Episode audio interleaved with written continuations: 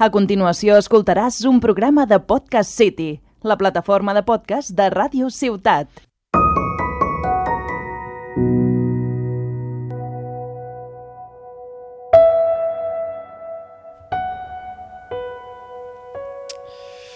Bienvenidos a esta quinta edición de Hablamos de Terror. Hoy vamos a hacer una cosa diferente. Hasta este momento llevábamos una temática de pandemias que ya he cerrado porque, bueno, ya he cubierto todos los aspectos de terror que yo he considerado que eh, eran fáciles de entender, ¿no? Hoy vamos a comenzar no con películas, sino con videojuegos, porque la temática que vamos a empezar ahora son enfermedades mentales. ¿Qué quiero decir con esto? En una película muchas veces vemos, mm, nos ponen en la perspectiva del asesino, nos pueden poner en la perspectiva de, del villano y, si alguien está loco, por ejemplo, en la peli de Joker, no es una peli de terror, pero es, perfecta para ilustrar el punto, eh, tú ves desde la perspectiva de, del, del, protagonista, está loco, está loquísimo de remate, lo, lo, sabemos porque sabemos quién es el Joker, sabemos, si viste la película, sabes cómo se va volviendo loco poco a poco, los plot twists, etc. Em, pero si tú ves la película, aunque tú las veas desde los ojos del protagonista, y tú lo entiendas hasta cierto punto, tú muy seguramente en algún punto de la película habrías tomado una decisión diferente. O dices, hostia, qué raro. O, aunque bueno, es comprensible que si alguien se está volviendo loco, muchas veces no tiene control de sus acciones. ¿Por qué entonces escogí videojuegos? Porque siempre eres tú, en carne viva, quien está tomando las decisiones del jugador. Tú estás viéndolo desde su punto de vista y tú eres quien lo mueve, quien ejecuta las acciones y en algunos de los juegos de los que vamos a hablar, el que toma las decisiones finalmente y que pueden o no repercutir en lo que te pasará. Hoy vamos a hablar de Layers of Fear, capas de miedo en la traducción literal. Eh, un juego de horror eh, que salió en 2016, que fue remasterizado en 2018, que nos pone en el cuerpo de un pintor que está psicológicamente perturbado y durante todo el juego intentamos simplemente completar su opus magna, su obra maestra, su, mejor pintura.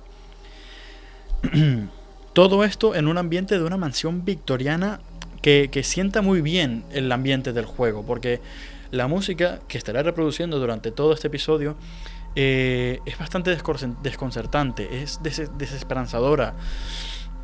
Estás rodeada constantemente de, pinturas raras, de, pasillos estrechos, y, el ambiente traiciona bastante mm, por cómo cambia, por las cosas que aparecen. Eso que estaba allí antes no estaba. Eh, has cruzado por una puerta y de repente cuando volteas la puerta ya no está. Cosas que se ven en pelis de terror, pero cuando tú las experimentas en un videojuego cagan el triple. Ahora, en este juego el miedo no viene dado porque te persiga un monstruo, porque algo malo te pueda pasar. En ningún momento del juego algo te puede hacer daño. Por algún momento del juego puedes fallar. En algún momento del juego no puedes morir, no te puede pasar nada.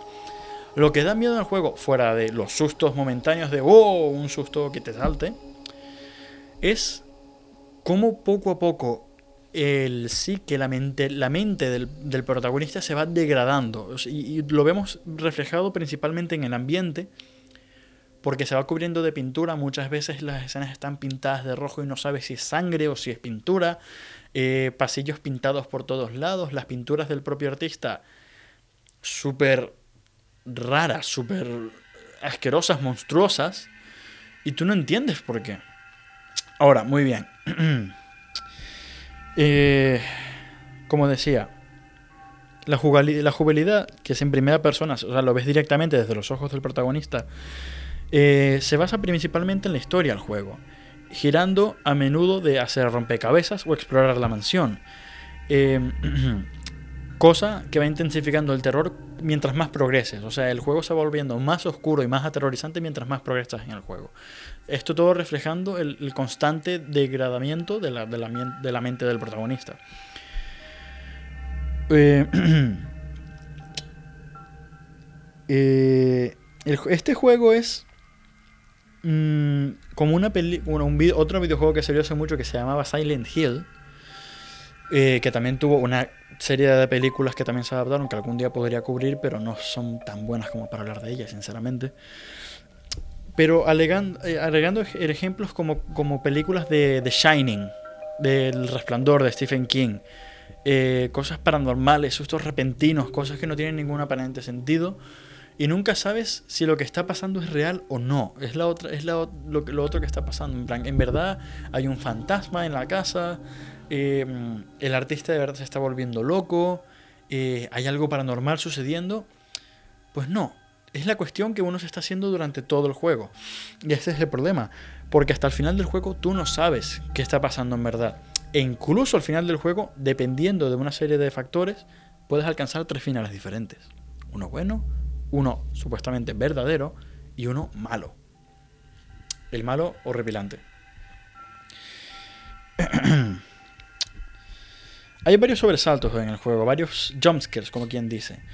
Eh, pero lo verdaderamente innovador del juego, porque ya anteriormente en videojuegos de terror existía una cuestión de eh, wow, te vamos a dar un susto de repente, o wow, te está persiguiendo un monstruo. Donde está el terror realmente, como dije antes, es en la, en la ambientación.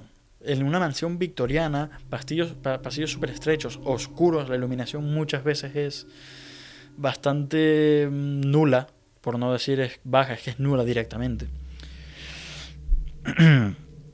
Eh, la puerta por la que acabas de entrar ya no está llegando desde la vuelta, la habitación habrá cambiado una vez te miras hacia otro lado, las imágenes que has pintado el, artista se tuercen y se vuelven horribles, trastornadas, eh, y todo, no necesariamente cuando tú las miras, sino que cuando desvías la mirada la imagen va cambiando poco a poco que, realza más el aspecto de cuestionarte tú durante todo el juego. ¿Qué está pasando? ¿Es un fantasma? ¿Es una maldición? ¿Es un demonio? No, es el artista que se está volviendo loco. ¿Por qué el artista se vuelve loco? La historia, mm, en verdad, mm, tienes que... Mm, ¿Cómo lo explico? Tienes que ponerla tú. Tienes que armarla. Es un, como un rompecabezas. Y si lo que entendí yo de jugar este juego hace tiempo que lo jugué, probablemente dos años, eh, y los reviews que leo, en plan, para, en preparación para este podcast, y es que la historia es una, es que es un artista eh, obsesionado con su trabajo y que todo lo que ve en todos lados es arte. Tú ves una persona, mm, ve el aspecto artístico de esta persona, la miseria, el amor, todo, todo ve arte en ello, pinturas expresamente. Por eh, otro aspecto de, la, de cómo este hombre construye su propia realidad.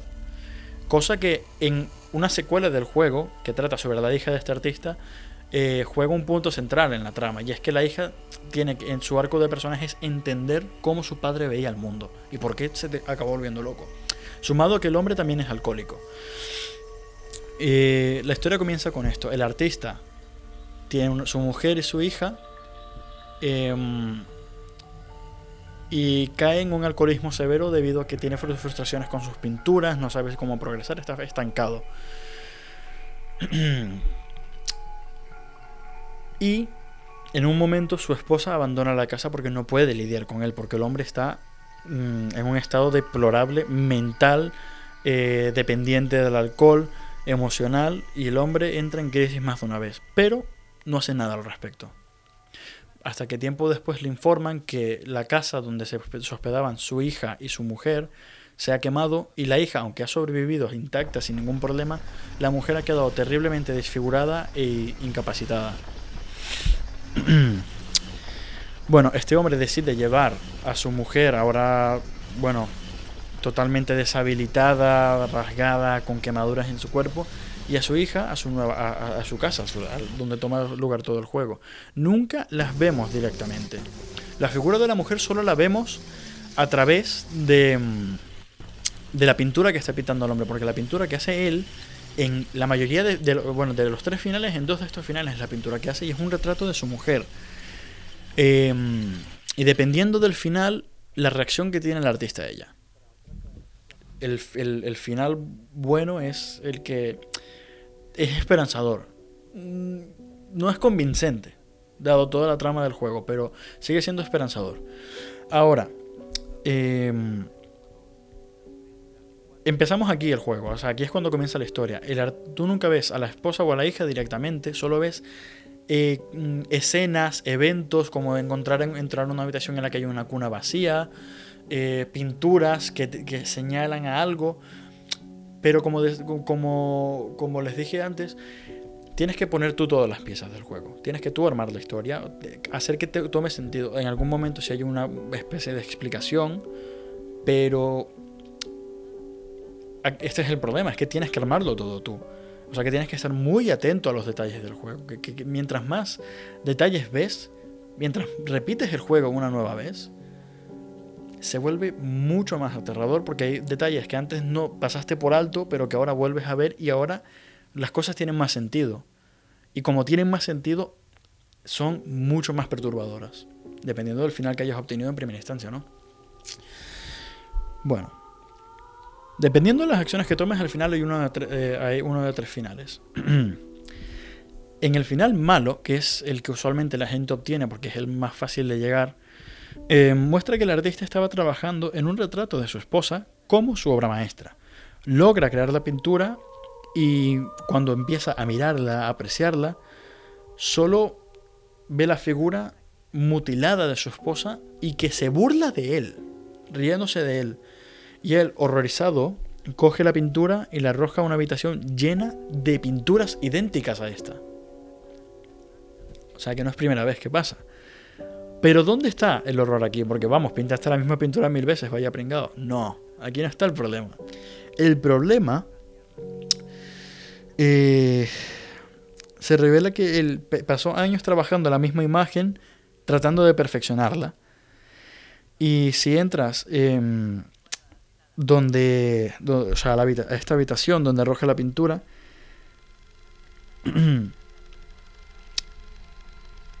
se te revela que el lienzo de la mujer es la piel de ella.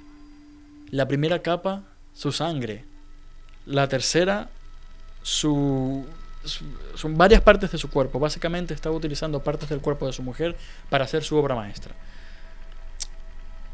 este es un lado muy sadista, muy, muy fuerte. O sea, en este final entendemos que el hombre se volvió completamente loco y que su única obsesión es el arte, completar esta obra maestra supuestamente en la que ha llevado años trabajando y que se burla de él porque no lo logra. En el final neutro, o sea, el final que, bueno, te deja no tan traumado, no es tan fuerte, es muy parecido, pero hay una diferencia fundamental. Esta vez también pone a su hija en la pintura. Luego se da cuenta de los errores que ha cometido en cuanto a descuidar a su esposa, en cuanto a descuidar a su hija, en cuanto a pintar la pintura, bueno, con partes de su mujer, y que no puede devolver estos problemas. O sea, no, no, puede resolverlos, ya está hecho todo el daño. Sin importar cuántas veces lo intente, ya no hay vuelta atrás. Entonces va a la habitación quema todas las pinturas anteriores y aparentemente se suicida en el incendio que viene después. No de esta manera, pero bueno, gracias por el intento. en el final, bueno, la pintura es diferente. La pintura final es un retrato de él mismo. Finalmente, satisfecho y lleno consigo mismo, decide colgarlo en la habitación donde supuestamente estaban antes todas las todas los intentos que hizo Dantes. Y el siguiente plano es él en un museo de arte reunido con varios pintores. Es más esperanzador, pero aquí no es tan creíble porque durante todo el juego te pintan que el hombre está loco de remate, que ve figuras trastornadas, sangre por todos lados. Eh, que el hombre constantemente se está volviendo más loco y de repente no. O sea, y bueno, como fanático de terror me, me, fascina mucho más la idea de que el hombre haya hecho una obra de arte con, con, con, partes humanas. O sea, esto a mí me mola, pero a lo mejor porque estoy un poco también loco, pero no tiene nada que ver. Es brillante el juego en la forma en la que depone como el hombre va perdiendo la cordura poco a poco. Porque tú no entiendes tampoco el hombre, o sea, una persona que se está volviendo loca, mm, bueno, yo no, no estoy loco, tampoco tengo nada clínico, pero entiendo que la persona no sabe que se está volviendo loca, no lo reconoce, no, puede, no tiene manera de saberlo. Él tampoco. Para él lo que está pasando es simplemente un evento traumatizante, terrorífico o simplemente peor, es perfectamente real y está reviviendo todas sus memorias de una manera más traumatizante. Este es todo el problema con Layers Fear. Y es que tú nunca sabes qué está pasando en verdad. Y cuando te das cuenta de que el hombre en verdad estaba loco, te sientes tú peor porque tú eres quien lo ha controlado, tú eres quien ha llevado todo esto. Ahora, ¿dónde viene el miedo de este juego precisamente? Primero, principal, lo real. Y es que el hombre está usando el cuerpo de su mujer para crear una pintura. Está trastornadísimo. Segundo, el ambiente del juego el ambiente oscuro, todo, son pinturas, las pinturas deformes. Parece una galería de arte de niños pequeños, pero en verdad es todo aterrorizante porque las figuras, mientras, dependiendo del, del final al que te vayas acercando, se van volviendo o más comprensibles o se van volviendo más trastornadas hasta que llega un punto que son totalmente irreconocibles y no entiendes qué es la pintura. recalcando la frustración del artista. Es un juego que juega bastante bueno, valga la redundancia, ¿no? Juega bastante con este tema de ¿estás loco o no estás loco? Es una cuestión muy fuerte. Si tú te estás volviendo loco, si tienes una enfermedad mental tan severa, ¿quién dice que no lo estás ya? Él no se dio cuenta. A lo mejor yo tampoco. A lo mejor Oscar, que está escuchándome desde la cabina, tampoco lo sabe. Pero el miedo viene principalmente de aquí, de que en ningún momento te das cuenta de esto. En ningún momento te das cuenta de que el hombre está perdiendo toda su, persona, está perdiendo toda su sanidad. Y, en un final no, no, no, hay una respuesta que te llene en el juego. No es, vale, se estaba volviendo loco porque estaba frustrado. En verdad el hombre se estaba volviendo loco desde antes de empezar el juego, desde antes de empezar la historia. Y aparentemente la única salvación que puede tener es completar una pintura. A lo mejor otro aspecto que puede dar miedo es simplemente no, no poder terminar con ello. A lo mejor el artista simplemente intentaba expresar el dolor que sentía por lo que vivió con su familia en una pintura y no lo logró. Y esa era la frustración que vivía constantemente. Por eso la pintura en el final malo se burla de él, porque no logra hacerlo.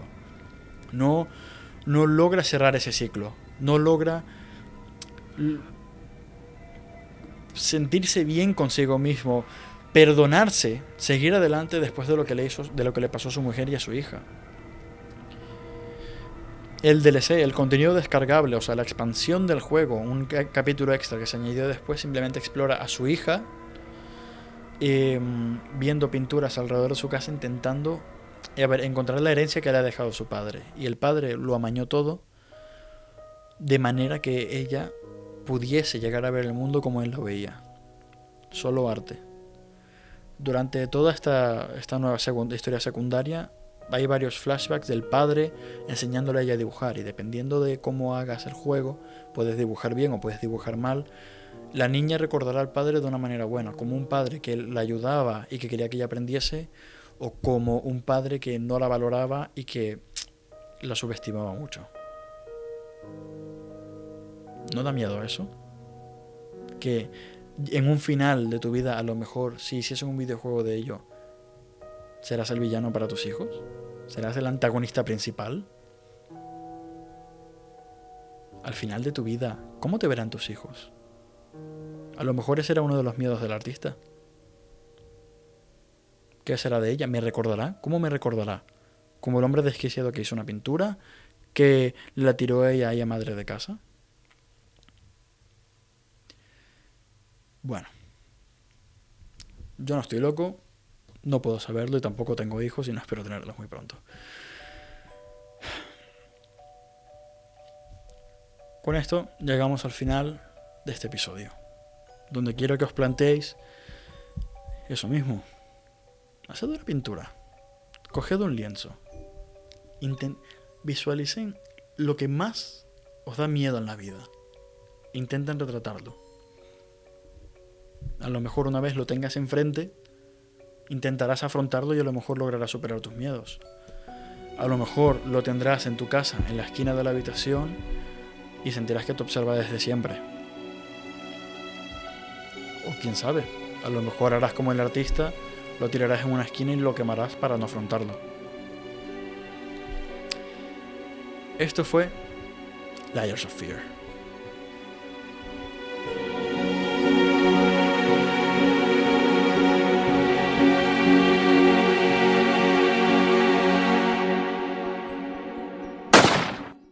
Has escoltat un programa de Podcast City, la plataforma de podcast de Ràdio Ciutat.